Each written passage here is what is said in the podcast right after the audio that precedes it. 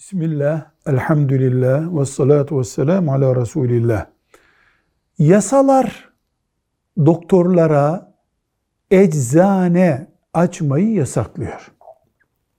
Yasal değil eczane açmaları. Bir doktor da çalıştığı hastanenin önünde ya da başka bir yerde bir hile ile, muvaza ile eczane açıyor. Buradan kazandığı para doktora helal olur mu?